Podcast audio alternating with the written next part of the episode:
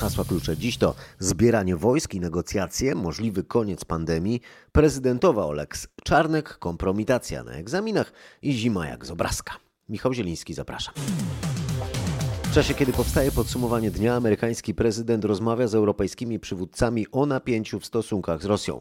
Joe Biden połączył się z sekretarzem generalnym NATO Jensem Stoltenbergiem, szefową Komisji Europejskiej e, Ursulą von der Leyen, szefem Rady Europejskiej Charlesem Michelem, prezydentem Francji Emmanuelem Macronem, kanclerzem Niemiec Olafem Scholzem, premierem Włoch Mario Draghi, e, premierem Wielkiej Brytanii Borisem Johnsonem, a także prezydentem Polski Andrzejem Dudą. To zdalne spotkanie dziewięciu przywódców e, dotyczy narastającego konfliktu między Zachodem i Rosją, w którego centrum jest Ukraina, a szerzej wpływy w Europie. Nieoficjalnie wiadomo, że mogą zostać podjęte ustalenia co do jednostek, które mogłyby zostać wysłane do środkowej Europy. E, w weekend Joe Biden e, w Camp David, w prezydenckiej rezydencji, spotkał się ze swoimi doradcami i tam miały paść propozycje, by na wschodniej flance NATO rozmieścić do 5 tysięcy żołnierzy, a w razie eskalacji napięcia przy granicy z Ukrainą do naszego regionu regionu mogłoby zostać wysłanych nawet 50 tysięcy żołnierzy. E, mieliby zostać przeniesieni z baz w Stanach Zjednoczonych, a także w Europie. Przed tym e, wirtualnym spotkaniem prezydent Andrzej Duda naradzał się z przedstawicielami rządu, Ministerstwa Spraw e, Zagranicznych, Obrony i Spraw Wewnętrznych, a także Sił Zbrojnych i Służb Specjalnych. Szef Biura Bezpieczeństwa Narodowego Paweł Soloch po tym spotkaniu mówił, że prezydent zreferował wyniki swoich niedawnych rozmów z prezydentem Ukrainy Wołodymyrem Zełańskim, który odwiedził Andrzeja Dudę w pałacyku, w pałacyku w Wiśle. Według szefa Biura Bezpieczeństwa Narodowego nie ma mowy o obecności naszych wojsk na Ukrainie, jak mówił Paweł Soloch Soloch. Na razie. Polska nie ma też na razie zamiaru zlecać ewakuacji dyplomatów z Kijowa. Na polecenie Departamentu Stanu ruszyła dziś operacja ewakuacji rodzin amerykańskich dyplomatów z ukraińskiej stolicy.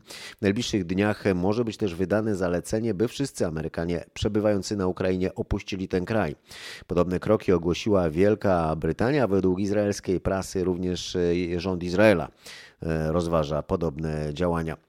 W mediach e, tych krajów e, w weekend pojawiły się informacje pochodzące z anonimowych e, źródeł, informacje bez dowodów, jakoby Rosja miała już plan zainstalowania w Kijowie prorosyjskiego rządu, który miałby być już skompletowany. Dziś brytyjski premier wprost oznajmił, że dane wywiadu brytyjskiego wskazują, iż Rosjanie zaplanowali wojnę błyskawiczną i zajęcie Kijowa. Dodał, że Rosjanie powinni sobie zdawać sprawę, że Ukraina to będzie nowa Czeczenia. Napięcie zatem rośnie, ale nasz korespondent w Stanach Zjednoczonych, e, Paweł Żuchowski, zauważa, że Amerykanie i Rosjanie mają plan dalszych rozmów. To będzie gorący polityczny tydzień. USA mają przekazać Rosji propozycję gwarancji bezpieczeństwa. Jak wiadomo, nieoficjalnie nie będzie tam jednak zapewnień, że NATO nie przyjmie nowych członków. USA stoją na stanowisku, że Ukraina ma prawo decydować o zawieranych sojuszach. Jesteśmy po stronie naszych demokratycznie wybranych partnerów na Ukrainie, podkreślił Biały Dom. Dlaczego Stany Zjednoczone już teraz nie nakładają sankcji na Rosję? Amerykański sekretarz stanu Antony Blinken powiedział w niedzielę w CNN, że jeśli sankcje zostaną nałożone na Rosję teraz, to Zachód straci zdolność do odstraszania potencjalnej rosyjskiej agresji przeciwko Ukrainie. Blinken po raz kolejny podkreślił, że jeśli jakiekolwiek siły rosyjskie wkroczyłyby na Ukrainę w sposób agresywny, to takie działanie wywołałoby znaczną odpowiedź. Jesteśmy przygotowani na różne opcje, jakie Rosja może podjąć wobec Ukrainy. W każdym razie zaprzeczyłby, no, była możliwość nakładania sankcji w tej chwili, bo nie byłoby to też E, dobre dla tego procesu dyplomatycznego, który trwa, który miałby, czy może, czy doprowadzi do deeskalacji napięcia. E, przypomnę, e, niewykluczone jest spotkanie prezydentów Rosji i Stanów Zjednoczonych, a w lutym mają spotkać się ponownie szefowie resortów dyplomacji Stanów Zjednoczonych oraz Rosji. Sankcjami ponownie zagroziła też Rosji Unia Europejska. Po spotkaniu ministrów spraw zagranicznych krajów Unii Bruksela podała, że nie będzie zarządzać ewakuacji z Kijowa. Jak wyjaśniał wysoki przedstawiciel Unii do spraw zagranicznych i polityki bezpieczeństwa Józef Borrell, Bruksela nie dysponuje żadnymi informacjami, które wskazywałyby na taką potrzebę. Dodał, że jak to ujął, nie ma potrzeby, by dramatyzować, skoro rozmowy wciąż się toczą. Nie jest tajemnicą, że pełniące centralną rolę w Unii Europejskiej Niemcy nie podzielają wcale opinii Waszyngtonu i Londynu na temat motywacji i celów Rosji. Berlin nie jest chętny, by pomagać Ukrainie przesyłając jej uzbrojenie. A w ostatni weekend głośno było o dymisji dowódcy niemieckiej floty wojennej. Admirał Kajachim Schonbach naraził się tym, że podczas konferencji w Indiach wyraził opinię, że Władimir Putin głównie potrzebuje uznania. I admirał sugerował, że należałoby dać to uznanie Rosji, która w jego opinii nie powinna być antagonizowana, w tym przez Niemcy i Indie, bo jak argumentował admirał, jest potrzebna do tego, by przeciwstawić się rosnącej i coraz bardziej ekspansywnej potędze Chin. Co w takim razie z unijnymi sankcjami przeciwko Rosji? To pytanie do naszej e, korespondentki w Brukseli, Katarzyny Szymańskiej-Borgina. Tak naprawdę to dopiero okaże się, gdy trzeba będzie je przegłosować. Na razie wszyscy oficjalnie zapewniają, że jest jednomyślność, że decyzja o sankcjach, jeżeli trzeba będzie, to zapadnie w ciągu kilku dni. Jednak nieoficjalnie wiadomo, że co najmniej kilka krajów obawia się, że uderzą one także w unijne firmy. Takie obawy wyrażają nie tylko Niemcy w kwestii ewentualnego wstrzymania Nord Stream 2, ale także inne państwa państwa jak Węgry czy Austria. Z kolei wiceszef polskiej dyplomacji Paweł Jabłoński, pytany czy Polska wyśle na Ukrainę wojskową pomoc, zasłaniał się tajemnicą. Mogę powiedzieć jedno. Nasi ukraińscy partnerzy nie mają dzisiaj żadnych wątpliwości, że Polska jest gotowa do udzielenia im wszelkiej możliwej pomocy. Unia natomiast zapowiedziała pomoc dla Ukrainy w razie cyberataku oraz zdecydowała o nowym pakiecie pomocowym. Rosyjsko-amerykańska rozgrywka o Ukrainę i szerzej o wpływy w Europie sprawia, że na rynkach bierze się już pod uwagę realną możliwość wybuchu konfliktu zbrojnego. Najpierw były nieudane rozmowy sprzed dwóch tygodni w Szwajcarii, e, później zeszłotygodniowe, zakończone też bez porozumienia spotkanie szefów dyplomacji USA i Rosji. No i teraz są wzajemne oskarżenia o dążenie do wojny. To widmo wojny na wschodzie uderza w giełdę e, w Warszawie i w Złotego. E, dziś spadały notowania niemal wszystkich spółek. WIG20 stracił prawie 4,5%, więcej niż w innych krajach regionu. I nie ma się co dziwić, bo po pierwsze Polska jest mocno uzależniona od importu surowców z Rosji, a po drugie w piątek prezes NBP Adam Glapiński zapowiedział, że dalsze podwyżki stóp procentowych powinny być jeszcze wyższe niż spodziewa się rynek, czym wzbudził obawy o mocne podrożenie kredytów i zduszenie wzrostu gospodarczego w Polsce. Również złoty dzisiaj słabł, dolar znów e, kosztuje ponad 4 zł, a dokładnie już 4 zł i 4 grosze. Euro po 4 zł 57 groszy, a frank szwajcarski po 4 zł 41 groszy. Kilka razy głębsze spadki miały dziś miejsce w Rosji. Rubel stracił w kilka godzin wobec dolara ponad 2,5% wartości. Główny indeks giełdy w Moskwie spadł o 6,5%. Od tygodni Zachód ostrzega, że wprowadzi wyjątkowo ostre sankcje ekonomiczne przeciwko Rosji w razie konfliktu zbrojnego. A dzisiaj Francja, Hiszpania, Holandia i Dania zapowiedziały wysłanie na wschód samolotów, okrętów i żołnierzy. Grupa okrętów z lotniskowcem USS Truman zaczyna ćwiczenia na Morzu Śródziemnym. Widzimy te oświadczenia publikowane przez NATO o dodatkowych siłach, przemieszczaniu wojsk i uzbrojenia na wschodnią flankę. To powoduje, że napięcie narasta. Komentuje rzecznik Kremla Dmitrij Pieskow w czasie, kiedy Rosja rozpoczyna manewry swojej floty na Bałtyku i zapowiada wysłanie okrętów na Morze Irlandzkie. A wracając jeszcze do polskiej giełdy, wyjątkowo dziś traciły spółki działające w obszarze zdrowia. Mocno traciły również dziś wielkie międzynarodowe koncerny, które zarabiają na pandemii. Cena akcji Moderny spada o 7% i to jest zapewne efekt wypowiedzi przedstawicieli Światowej Organizacji Zdrowia i głównego doradcy medycznego Białego Domu Antoniego Fauciego o tym, że obecna fala pandemii koronawirusa może okazać się ostatnią. Tym tygodniu będziemy mieli przekroczenie 50 tysięcy zakażeń dziennie, powiedział dziś minister zdrowia, ale rząd nie planuje zaostrzenia restrykcji covidowych. Liczba zakażeń w naszym kraju rośnie, ale daleko wciąż do liczb znanych z krajów, gdzie rozprzestrzenił się już na dobre wariant Omikron. We Francji to ponad 300 tysięcy przypadków na dobę, we Włoszech 200 tysięcy. My mamy niespełna 30 tysięcy. Obowiązujące jeszcze do jutra zasady 10-dniowej kwarantanny, od jutra to 7 dni, sprawiają, że te teraz w całym kraju ponad 800 tysięcy ludzi przebywa na obowiązkowej kwarantannie. Jeszcze tydzień temu to było ćwierć miliona osób. W szpitalach jest o 1000 osób mniej niż przed tygodniem. Obecnie zajętych jest 13,5 tysiąca łóżek covidowych. Oprócz y, skrócenia tej kwarantanny od najbliższego czwartku w aptekach będzie można wykonać darmowe testy antygenowe na COVID-19.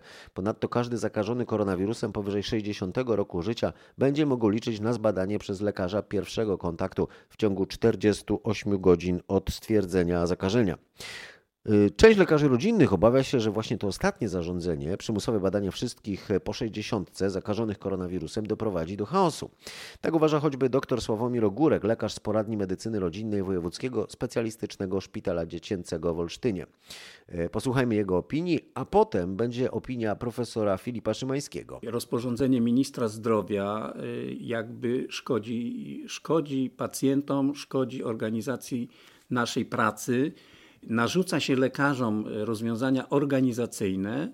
E, my mamy badać pacjentów, których urzędnik wymyślił, których mamy badać. 60 plus, podam przykład. Pacjent 61 lat, potrójnie zaszczepiony, e, okaz zdrowia, wysportowany, gorzej się poczuł, no, dostał objawy lekkiego przeziębienia, zrobił sobie wymaz, test i, i, i, jest dodatni. I my mamy w ciągu 48 godzin albo pojechać do niego do domu, i w większości przypadków trzeba będzie pojechać do domu, bo w większości poradni, ja nie mówię o naszej w tej chwili, w większości poradni nie ma mm, możliwości bezpiecznego dla innych pacjentów badania osób z COVID-em takiego no, masowego, bo nie mówimy o pojedynczej osobie czy dwóch osobach, które można się mówić na przykład na koniec dnia, prawda, kiedy już nie ma innych pacjentów, tylko będzie trzeba w ciągu dnia w różnych godzinach tych pacjentów załatwiać, y, no to, to stwarzamy ogromne ryzyko dla innych pacjentów i jednocześnie y, stwarzamy, że tak powiem, dezorganizację pracy, no bo ale jak będziemy załatwiali tych pacjentów na przykład w domu, no to nas nie będzie na jednej wizycie, zajmie nam to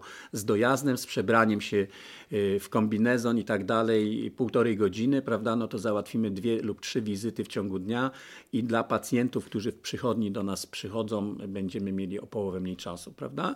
I z drugiej strony mamy pacjenta, który będzie miał 59 lat, który nie był zaszczepiony, który zagorączkował, źle się poczuł, y, prawda? I, i, i, jeszcze na dodatek ma choroby obciążające, typu jest otyły i ma nadciśnienie, to do niego pan, pan urzędnik nie każe jechać. Czyli my się mamy kierować jako medycy, lekarze, często z wieloletnim doświadczeniem. Ja mam doświadczenia w leczeniu ludzi prawie 40-letnie. Y, my mamy, my mamy decydować się ze względów na urzędnicze nakazy, czy ze względu na konieczność badania pacjenta. No właśnie, pomysł jest dobry, żeby część pacjentów, u których wynik będzie wynikiem dodatnim, był skonsultowany w tych pierwszych e, godzinach przez lekarza POZ-u. Pewnie wszystkich nie będziemy w stanie przyjąć. Jakiego pacjenta widziałbym e, konieczność e, przyjęcia i zbadania? Pacjenta, który najczęściej umiera, czyli to będzie pacjent 65 plus z chorobami współistniejącymi, czyli z chorobami cywilizacyjnymi przewlekłymi, takimi jak cukrzyca, POHP, dyslipidemia, nadciśnienie to są pacjenci, którego ryzyko zgonu, ryzyko ciężkiego przebiegu jest ryzykiem największym. A więc spośród tej dużej grupy wybierajmy tych, którzy niewątpliwie powinni się zgłosić. Dlaczego? Dlatego, że część z tych pacjentów będzie miała konieczność wykonania badań kontrolnych.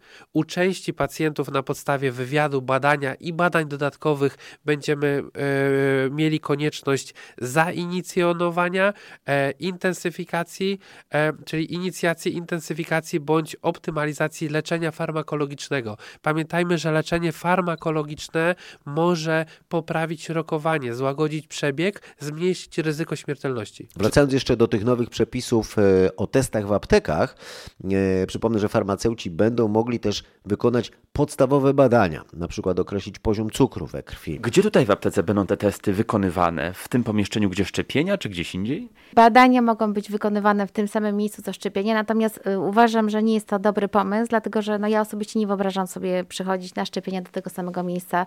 My mamy w tym momencie przygotowany plan, że będzie zupełnie oddzielne wejście dla pacjentów y, robiących sobie testy i oddzielne wejście dla pacjentów, którzy będą przychodzić do apteki i na szczepienia, czyli dla, oddzielnie dla pacjentów zdrowych i oddzielnie dla pacjentów chorych testy, badania w kierunku koronawirusa będą odbywać się w tym samym czasie, kiedy będzie sprzedaż leków i normalna praca apteki, czy jakoś po godzinach? W naszym przypadku może być to robione w tym samym czasie, ponieważ zupełnie pacjenci zdrowi, pacjenci chorzy nie będą mieszali się ze sobą.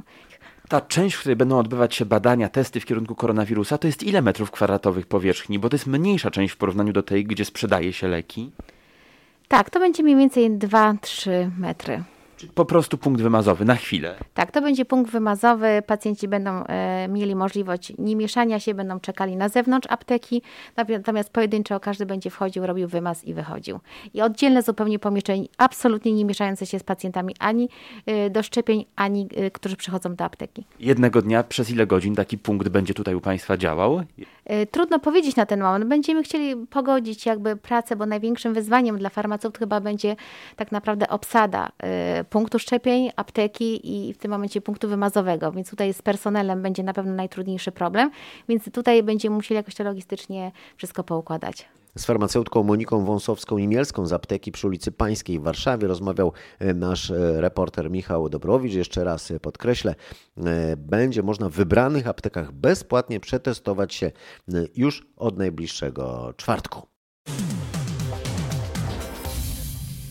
A Ministerstwo Zdrowia przedstawiło dziś pakiet dla młodych. To działania resortu w odpowiedzi na postulaty studentów uczelni medycznych. W obliczu pandemii priorytetem jest inwestowanie w ludzi w systemie opieki medycznej, bo głównym deficytem, który nie pozwala w odpowiednim stopniu reagować, wykorzystywać infrastruktury, są ludzie. I dlatego przygotowaliśmy pakiet rozwiązań dla młodych, który ma zachęcać i przekonywać do studiowania medycyny. Składa się z siedmiu elementów, wyliczał wiceminister Piotr Bromber. W tym pakiecie mamy kredyty dla studentów, poziom partycypacji w podejmowanych decyzjach. Mamy taki produkt Młody Dydaktyk, który chce, poprzez który chcemy zachęcić młodych do pracy dydaktycznej. Mamy produkt Praca dla studenta. Mamy również taki obszar zwiększenia kompetencji i umiejętności, czyli między innymi komunikacja, problem radzenia sobie z odpowiedzialnością, ze stresem. Między innymi też mamy obszar związany z, z kształceniem podyplomowym, czyli między innymi zasygnalizowaliśmy możliwość, zastanawiamy się, rozważamy taką możliwość z, z, zwolnienia z egzaminu, zwolnienia z egzaminu ustnego przy dobrze zaliczonym egzaminie pisemnym. To są te elementy, o których dzisiaj tutaj rozmawialiśmy i tak jak pan minister słusznie zauważył, to dzisiejsze spotkanie to jest pewne podsumowanie, podsumowanie licznych spotkań ze studentami i to też jest możliwość do powiedzenia studentom dziękuję, dziękuję za te dotychczasowe spotkania, za udział w tej dyskusji. To też jest przykład z naszej strony, że zmieniamy sposób komunikowania. To podsumowanie dnia e, poniedziałku 24 stycznia. Komunikuje w nim teraz, co następuje. Agata Kornhauser-Duda zgodziła się, że Lex Czarnek zawiera niebezpieczne zapisy dla polskiej szkoły. Tak twierdziły po spotkaniu z prezydentową posłanki Koalicji Obywatelskiej. W Pałacu Prezydenckim e, odbyły się dziś półtora godzinne rozmowy dotyczące noweli prawa oświatowego. Magdalena Greinert sprawdzała, jak te rozmowy podsumowały posłanki opozycji. Podkreślają, że była to merytoryczna rozmowa. Agata Kornhauser-Duda znała przepisy noweli i była dobrze przygotowana. Finalnie obiecała, że porozmawia o Lex Czarnek z prezydentem i przedstawi argumenty posłanek oraz, że postara się być na spotkaniu prezydenta z ministrem Czarnkiem, tak żeby zwrócić uwagę na te najbardziej niepokojące zapisy. W końcowym efekcie zgodziła się z nami, że są to niebezpieczne zapisy dla polskiej szkoły, że są to zapisy, które y, mogą spowodować zamknięcie szkoły przed organizacjami pozarządowymi, że ten nadzór kuratora nad y, zatrudnianiem i zwalnianiem y, dyrektora jest również y, y, zbyt y, duży i y, w konsekwencji może przynieść y, szkodę y, szkole i uczniom, y, jak również y, sprawa przekazywania danych osobowych nauczycieli y, pomiędzy bazami bez, y, bez y, takiej y, konieczności y, rzeczywistej też jest procederem y, niebezpiecznym. Podkreśla Krystyna Szumilas, posłanka Platformy Obywatelskiej i wiceprzewodnicząca Komisji Edukacji. Posłanki liczyły na zrozumienie pierwszej damy nauczycielki i się nie przeliczyły. Zdecydowanie zgodnie podkreślały, że sprawa edukacji bardzo leży Agacie Kornhauser-Dudzie na sercu i że zgadza się z nimi w tych samych punktach. Oraz, że gdyby od niej zależała decyzja, Lex Czarnek nie weszłaby w życie. Teraz liczą na skuteczne działanie pierwszej damy. Uzbroiłyśmy ją e, w e, naprawdę mocne argumenty przeciwne tej ustawie. Przedstawiłyśmy listę organizacji, ponad 100 organizacji pozarządowych, które sprzeciwiają się e, Lex Czarnek. Przedstawiłyśmy całą listę którą zaprezentowała nam pani kurator Barbara Nowak, organizacji, które nie będą miały wstępu do szkół małopolskich, co może być tylko początkiem tej szarży ministerstwa. Mówiła po spotkaniu posłanka Kinga Gajewska. 4 lutego debata w sprawie Lex Czarnek planowana jest w Senacie. Później ustawa ma wrócić do Sejmu. A teraz o zdawaniu egzaminu, ale nie w szkole. Każdy, kto nie zdał dziś egzaminu teoretycznego na prawo jazdy, powinien złożyć reklamację. Mógł wylosować bowiem pytania z błędnymi odpowiedziami. Do bazy egzaminacyjnej w weekend wprowadzono ponad 40 nowych pytań i co najmniej 8 z nich było wadliwych. Takie są ustalenia naszego reportera Mariusza Piekarskiego, który wyjaśni, kto odpowiada za te kompromitacje. Ministerstwo Infrastruktury i Komisja Weryfikacyjna przy ministrze, która przecież zatwierdza przygotowane pytania. Trwa teraz szukanie winnych. Na razie pada tylko odpowiedź. Ktoś błędnie przyporządkował odpowiedzi do pytań. I takie wadliwe pytania zostały wgrane do systemów egzaminacyjnych we wszystkich wordach w kraju. Trzeba będzie wszystkie wyniki negatywne przejrzeć, czy przyczyną ich uzyskania nie były przypadkiem te pytania. Tak mówi Tomasz Matuszewski, wicedyrektor Warszawskiego Ośrodka Egzaminacyjnego, dodając, to kompromitacja, bo to jest egzamin państwowy. Nie wiadomo, ile osób mogło wylosować wadliwe pytania i na ile miało to wpływ na ich wynik egzaminu. Każdy, kto dzisiaj podchodził do egzaminu przed południem, był narażony na to, że w jego puli mogły pojawić się pytania z błędem. Mówi Szymon Huptyś, rzecznik Ministerstwa Infrastruktury i zapewnia, że jeśli ktoś wylosował wadliwe pytanie i oblał egzamin z tego powodu, będzie mógł za darmo powtórzyć egzamin, dlatego warto złożyć reklamację. Warszawa, Mariusz Piekarski poznańskim Centrum Szyfrów Enigma zaprezentowano dziś wyjątkowy eksponat. To najprawdopodobniej jedyna na świecie, a na pewno jedyna w naszym kraju, replika maszyny szyfrującej, słynnej Enigmy, której szyfry złamali trzej kryptolodzy związani z Poznaniem. Marian Rejewski, Henryk Zygalski i Jerzy Różycki. Historycy nie mają wątpliwości, że to osiągnięcie pomogło pokonać III Rzeszę w czasie II wojny. O tej historii można dowiedzieć się więcej, odwiedzając otwarte niedawno Centrum Szyfrów Enigma w Poznaniu. Polską Enigmę razem z dyrektor centrum, dr Moniką Herkt, oglądał dziś nasz reporter Mateusz Chrysto. Słyszymy, że jest to eksponat wyjątkowy. Dlaczego? Wyjątkowy ze względu na swoją wartość taką symboliczną i też wartość e, emocjonalną, e, ponieważ e, to jest jedyna maszyna szyfrująca Enigma, polska replika tej maszyny, która niesie ze sobą pozytywny przekaz. Przekaz związany z współpracą międzynarodową, z współpracą zespołową, pokonywaniem niemożliwego. Prawdopodobnie jest to jedyny tego typu egzemplarz na świecie który jest prezentowany szerokiej e, publiczności. Przypomnę, że powstał on we Francji e, na początku lat 40. według e, planów, polskich planów inżynierów i we współpracy z polskimi inżynierami i oczywiście z inżynierami z Francji.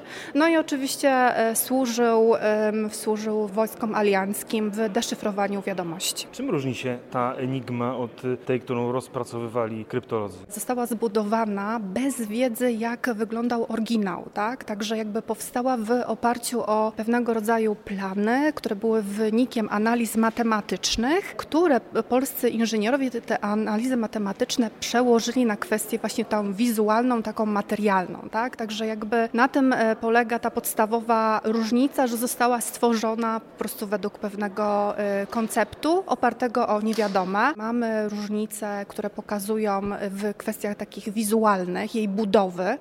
E, natomiast najważniejsze jest to, że działała zgodnie z tym, jak te niemieckie oryginały, dzięki czemu po prostu mogła skutecznie wykonywać swoje zadania. Dziś w górach na południu Polski było przepiękne słońce, dodatkowo świeży śnieg i mróz. Idealne warunki, by jeździć na nartach. W Zakopanem pół metra śniegu, wyżej w Tatrach nawet ponad metr.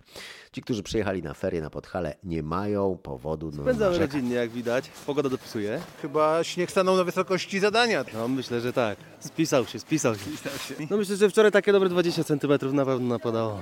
I co można robić na tym śniegu? No, pilnować dzieci przede wszystkim. tak, e, dokładnie. No dużo śniegu, Słońce dzisiaj zaświeciło, jest okazja sobie pochodzić, porobić zdjęcia przy pięknej pogodzie. No właśnie widzę, że śniegu tak jest sporo, bo ten zamek przed nami śnieży to ma parę metrów. No tak, tak, dokładnie. Czyli wystarczy śniegu na ferie, tak? Wystarczy śniegu jak najbardziej, wystarczająco, można robić co się chce. Co robicie śniegu. w takim razie? Z taką e... ilością śniegu, oprócz 25 tysięcy bałwanków, które już e... Nie, nie, bałwanki nie, jakoś tak nie do końca jesteśmy za bałwankami, ale jeździliśmy na nartach, a dzisiaj przyjechaliśmy właśnie troszkę pochodzić po labiryncie po zamku pozjeżdżać. No jest tak, no co ja mogę? Tylko zaneczki dzisiaj. Słoneczko jest, tak, jest że pięknie, można szaleć. tak, Tak, jest pięknie. Oczy dookoła głowy i do przodu. Dzieci zaskoczone, bo podejrzewam, że tyle śniegu jeszcze nie widziały, bo to No starszy syn trochę widział dwa lata temu, ale to nie był taki świeży śnieg jak teraz. Pierwszy raz nam się trafiło takie coś. Super. Bo, bardzo trafiliśmy w pogodę. Jesteśmy Czyli pogoda zadowoleni. stanęła na wysokości zadania wreszcie, tak? Tak jest, nareszcie, tak. Ile mamy tego śniegu? E, full. Pół metra. Widzę, że wszystko, zamki ze śniegu, labirynty ze śniegu. Tak, wszystko. Śniegowe szaleństwo. Tak jest. To co? Właśnie idziemy pozjeżdżać. Czyli co, dzisiaj sanki, tak? Dzisiaj sanki, później kulik, aktywny. Rodziców o feryjnej aktywności pod Wielką Krokwią wypytywał nasz reporter Maciej Połachicki. I to już wszystko w dzisiejszym podsumowaniu dnia. Michał Zieliński, kłaniam się i do usłyszenia do jutra.